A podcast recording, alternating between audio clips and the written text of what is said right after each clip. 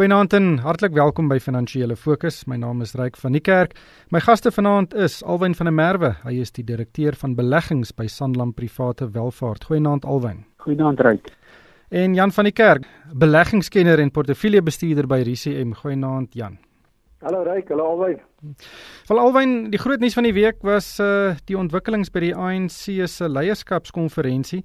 Um en die markte en die private sektor en en baie gesiene sakemanne was baie in hulle noppies met die keuse van Cyril Ramaphosa as die nuwe ANC president. Die rand het verstewig uh en wat is jou siening daaroor? Dink jy hierdie regtig amper oordrewe positiewe reaksie is geregverdig? Ek ek moet sê ek was aanvanklik 'n bietjie verras met die geweldige sterk beweging in die rand en veral die Suid-Afrikaanse aandele soos die banke wat geweldig sterk gereageer het op die op die nuus uh dat meneer Ramaphosa die nuwe president van die ANC is want vir my uh, was dit baie duidelik dat die ANC ten spyte van die feit dat uh meneer Ramaphosa gestaan het vir 'n meer markverwante beleidsrigting uh ehm um, dat die ANC nog steeds 'n verdeelde party is. Ehm um, en dit is ook toe nou na die tyd redelik duidelik uitgekom as jy kyk na die samestelling van hulle nasionale uitvoerende komitee uh dat die twee faksies baie sterk verdeel is binne die nasionale uitvoerende komitee en dit lyk nie vir my asof die Ramaphosa faksie die meerderheid het nie. So ek dink dit gaan baie vaardighede van meneer Ramaphosa uh verg om beleidsrigting te verander en van die goed waarvoor hy gestaan het uh vooraf uh om daai uit om daai tot uitvoering te gee en dit was ook baie interessant in sy openingstoespraak dat hy sommer onmiddellik begin uh iets sê wat nie sou strook met Ramaphosa waar uh wat wat as hy onafhanklik sou wees toe hy gepraat het van uh grondhervorming en uh, dat daar uh, dalk uh grond sou teruggeneem word sonder vergoeding nie. So dit hmm. dit het sommer van die begin af my laat blyk dat ons moet verstaan dat daar kom kompromieë sal aangegaan word binne die ANC. Jan, jou siening? Ja, ek dink alwen het dit goed opgesom. Ek dink die ANC is 'n party wat goed verdeel is en ek dink meneer Ramaphosa gaan al sy energie spandeer om daai stemme bymekaar te hou as hy enigstens in beheer wil bly. Uh, so ek dink hulle gaan meer tyd op interne politiek spandeer in die volgende 5 jaar as op die land se werklike beleidsinrigtinge.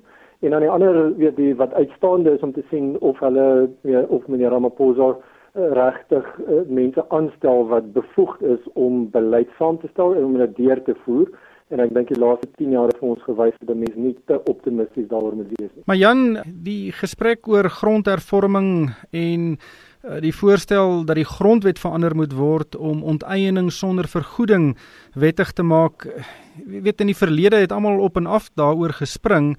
Ehm um, markte het daarop gereageer, maar hierdie keer het daar niks gebeur nie. Dink jy maar mense kan dit toeskryf aan politieke ry en binnengevegte binne die ANC eerder as 'n uh, ernstige emosie wat die grondwet kan laat verander word? Ja, ek, ek dink jy het die regte woord gebruik. Dis ek dink dit is politieke ry. Onthou dis nie lank gelede nie wat die EFF uh aangebied het om hulle stem by die ANC te, te sit om die grondwet te verander en die ANC in die kabinet het uh, gekies om dit nie te aanvaar nie. So Ek dink dis politieke ry. Ek dink daar was baie hoë emosies by die konferensie wat onder bedrang gebring moes word. Uh so ek dink dis net politieke ry. Hmm.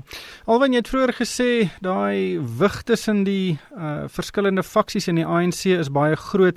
My siening is dis amper twee verskillende politieke partye wat nou probeer saamwerk en amper geforseer word om saam te werk. Jy het ook gesê dit kan dalk die politieke beleid in die nabye toekoms beïnvloed. Hoe dink jy gaan die volgende paar jaar lyk of korttermyn ten minste totdat uh, Ramaphosa die land se president word? Dink jy ons kan verandering dan sien? As jy nie omgee nie, gaan ek 'n Engelse woord gebruik of 'n term gebruik net om die Afrikaanse ken. Dit voel vir my amper of die ANC binne homself 'n handparlement is. Met ander woorde, dit is is 'n dit is 'n amper 'n disfunksionele uh, organisasie.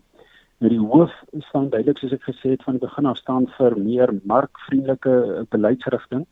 Maar aan die ander kant moet mense onthou ehm um, dat dit maak nie saak wat die redes daarvoor is nie. Maar oor die afgelope 20 jaar het ons nie genoeg verdeling van rykdom gesien nie. Ons het nog te veel arme mense en ons het nog te te min dienslewering ten minste teenoor wat mense aanvanklik verwag het. En dit skep spanning. En uh meneer Ramaphosa en en die feit dat die ANC verdeel is dink ek is deels as gevolg daarvan. En en meneer Ramaphosa sal definitief baie diplomaties moet te werk gaan om erns daai belange van die wat nie het nie en wat wat mense wat meer 'n markgerigte beleid sou voorstel om daai belang, belange in balans te bring.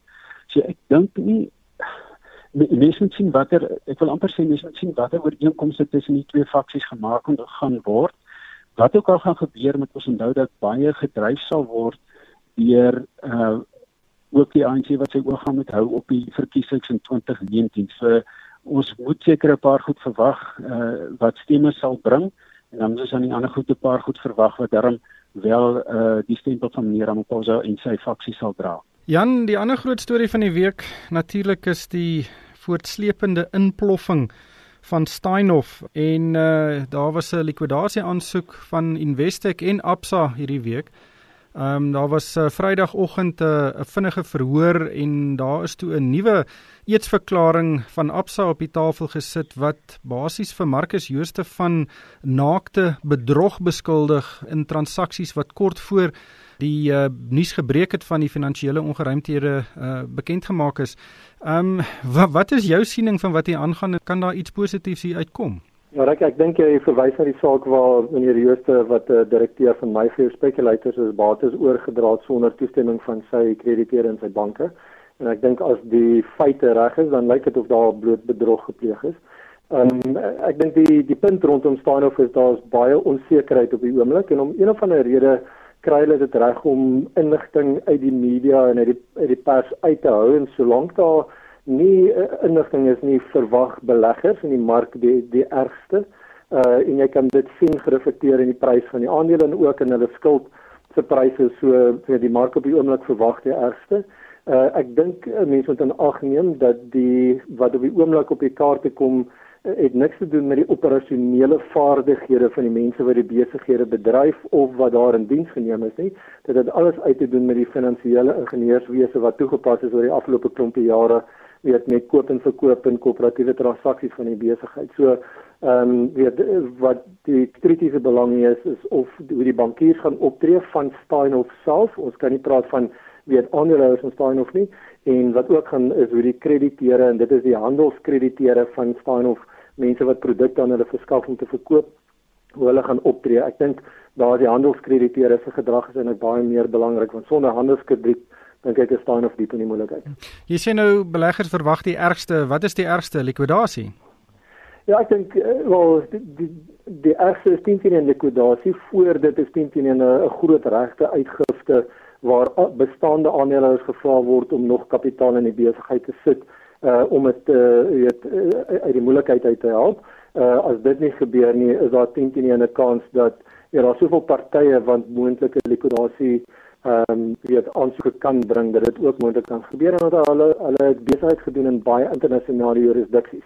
Uh en dan het jy ook die kwessie van weet finansiële deel, deelnemers soos aandeelhouers uh internasionaal wat uh transaksies of of sake kan bring. So daar's baie onsekerheid en ek dink weet teen teen 4 rand en 'n bietjie vir 'n aandeel is fyn of se markkapitalisasie 20 miljard rand wat eintlik belaglik klein is gegee hoe groot die onderliggende besighede is. So die die mark verwag op die oomblik baie erge goed. Alwyn, jou siening?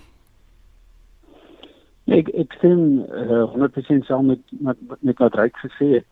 Dit is belangrik dat mense moet hier onderskeid tref tussen die operasionele besighede wat goed bestuur word en wat meeste van hulle na ons mening in in 'n billike toestand is en dan uh die aktiwiteite wat op korporatiewe vlak uh deurgekom het. Ryk net om teruggekeer uh, na die inligting wat ons jongse wys is. Ek dink uh en, en dan kom 'n bietjie bekommer. Ek dink die, die maatskappy kon waarskynlik meer gedeel het al met die beleggerspubliek. Ehm um, ons het in die week het ons gehoor uh wat die bruto skuldvlakke is. So dit gee mense darm so 'n bietjie van 'n idee as jy dit kan vertrou. Ons het aanvanklik gedink dat die bruto skuldvlakke so rondom 9.9 miljard uh euros was. Uh dit het uitgekom op 10.7 miljard, so bietjie swakker as wat ons gedink het. Maar as ek sê dis bruto, ons weet nie weer eens, jy weet nie wat die kontant vlak die kontant is nie. So as jy net na die bruto skuldvlakke kyk, dan werk dit uit tot omtrent as ek my somme reg is rondom R37 per aandeel. Dit is 'n tipe goed wat uh, wat beleggers skrik maak en as jy nie genoeg inligting het nie, Ehm um, na jy nou al 'n bietjie van 'n patroon gesien het dat jy meer teleurgestel word, ehm um, dan is dit presies wat gebeur soos Jan gesê het, dan dan verwag mense die ergste. Jan Christo Wiese is 'n interessante persoon in hierdie hele storie. Ehm um, en hy het hierdie week begin om Shoprite aandele te verkoop. Hy, hy het meer as 3.3 uh, miljard rand se aandele verkoop. Um, en dit is baie duidelik dat hy, hoewel hy baie ryk is en een van die rykste mense op die vasteland is, het hy ook geweldig baie skuld. Wat dink jy van die vooruitsigte vir hom en en die situasie waarin hy verkeer? Ja, ek ek dink as 'n markdeelnemer en 'n analis eh, weet wat die wat hom al jare volg, is dit duidelik dat meneer of dokter Wieser gemaklik is met hoë skuldvlakke sy hele loopbaan. Uh die tweede punt is dat ehm um, ek dink die verkoop van Shoprite aandele het tot gevolg gehad dat die transaksie met Spine of Africa Retail nie meer kan voortgaan nie. Ek dink nie dit is 'n uh, ongemaklike situasie vir hom nie. So ek dink daai bate word beskerm buite Spinhof. Ehm um, en uh weet ek dink die tipe welvaart wat genoem word in Dr. Wiese se geval baie oor tyd op deur weet goeie besigheid te doen en natuurlik baie skuld te gebruik. En moenie vergeet nie dat Dr. Wiese 'n paar keer in die verlede al in 'n in 'n in die warm water was. Uh ons dink maar aan die Rubicon toespraak toe hulle dollar skuld gehad het en die rand verswak het uh, en hy het oorleef. So ek dink uh, dit sal weer hierdie keer gebeur. Hy gaan miskien net met minder bates aan die ander kant uitkom. Ehm um, die groter vraag is en dit is vir minderhede in hierdie besighede. Uh, as jy 'n minderheidsaandeelhouer in Shoprite of Fine of Africa Retail of in Steinhoff is, ehm uh, weet is of die transaksies wat gebeur uh weer die minderhede se belange ook in ag geneem en daarom moet hy dit maar net mooi dop. Alwen kom ons gesels oor Eskom. Eskom het die publikasie van sy tussentydse resultate vertraag tot volgende maand. En dit is nadat sy ouditeur nie sy state wou teken nie omdat hulle bekommerd is oor sy vermoë om as 'n lopende onderneming te funksioneer. Uh veral in die lig dat uh, hy aanstaande jaar net 'n verhoging in sy tariewe van 5,2% kan instel. Ek dink nie dis seker 'n verrassing nie, maar dit kan lei tot uh, nog fiskale druk op die regering. Ja, ek, ek wil eintlik bietjie meer gesels oor die oor die tweede deelte gedeelte van die vraag. Ek het nie die die syfer spesifiek gesien nie, maar dit is reeds reeds lank duidelik dat Eskom nie uh, na behoore bestuur word nie. Ehm um, en dat uiteindelik jy kom nie by die punt waar jy net sê ehm um, ons kan nie meer goeie geld na slegs na slegte bestuur gooi nie. Maar dit is uh, wat my meer wat my meer pla is dat uh in die middeljaar of in die begroting het ons gesien dat die skuldvlakke, die Britse skuldvlakke van die staat uh volgens minister Gigaba uh eenvoudig buite beheer raak. Ehm um, elk geval in Suid-Afrikaanse terme, daar is ander lande wat slegter lyk, maar dit dit lyk nie goed uh vir 'n ekonomie wat wat baie traag ekonomiese groei het nie. En dan sit jy met met ondernemings soos Eskom, jy sit met uh sit die SAL en ander uh, wat net eenvoudig 'n uh, uh, eindelose uh, put van van uitvoer van geld het en wat nie klein is nie. So in 'n stadium uh sal mense hier moet kry dat uh, daar behoorlike bestuur in hierdie besighede uh, moet inkom. Uh anders uh is ek te vrees van die fiskale situasie van Suid-Afrika ehm um, drasties agteruit gaan en dit het dit het 'n wye impak op die ekonomie want dit beteken weer eens as ons kom by kredietgradering dat dit 'n impak daarop gegee het impak op die op die prys van skuld uh nie net vir die staat nie maar ook vir onder andere banke. Uh en dit dit op einde op die einde soos ons weet die prys van geld is so belangrik vir ekonomiese groei en ons ekonomie gegee die behoeftes waarvan ek ook voorheen verwys het of na verwys het uh, kan dit eenvoudig nie bekostig nie. Ja Jan, ek dink alwen het ook die die spyker op die kop geslaan in, in leierskap. Uh, op die oomblik het ons staatsbeheerde maatskappye wat in die moeilikheid is en 'n goue draad daar is uh, almal word baie swak bestuur. Dink jy Cyril Ramaphosa se se nuwe rol kan dalk meebring dat ons beter mense in daai posisies kry? Ja, ek wil aansluit by wat julle beide sê. Ek dink die dis duidelik dat hierdie besighede nie op besigheidsbeginsels bestuur word nie dit wil vir my voorkom asof die mense wat deesdae almal net in waarnemende poste is, uh hulle rol as hoofde van staatsinstellings sien as 'n plek om gunste uit te deel met die belastingbetalers se geld vir hulle beste vriende.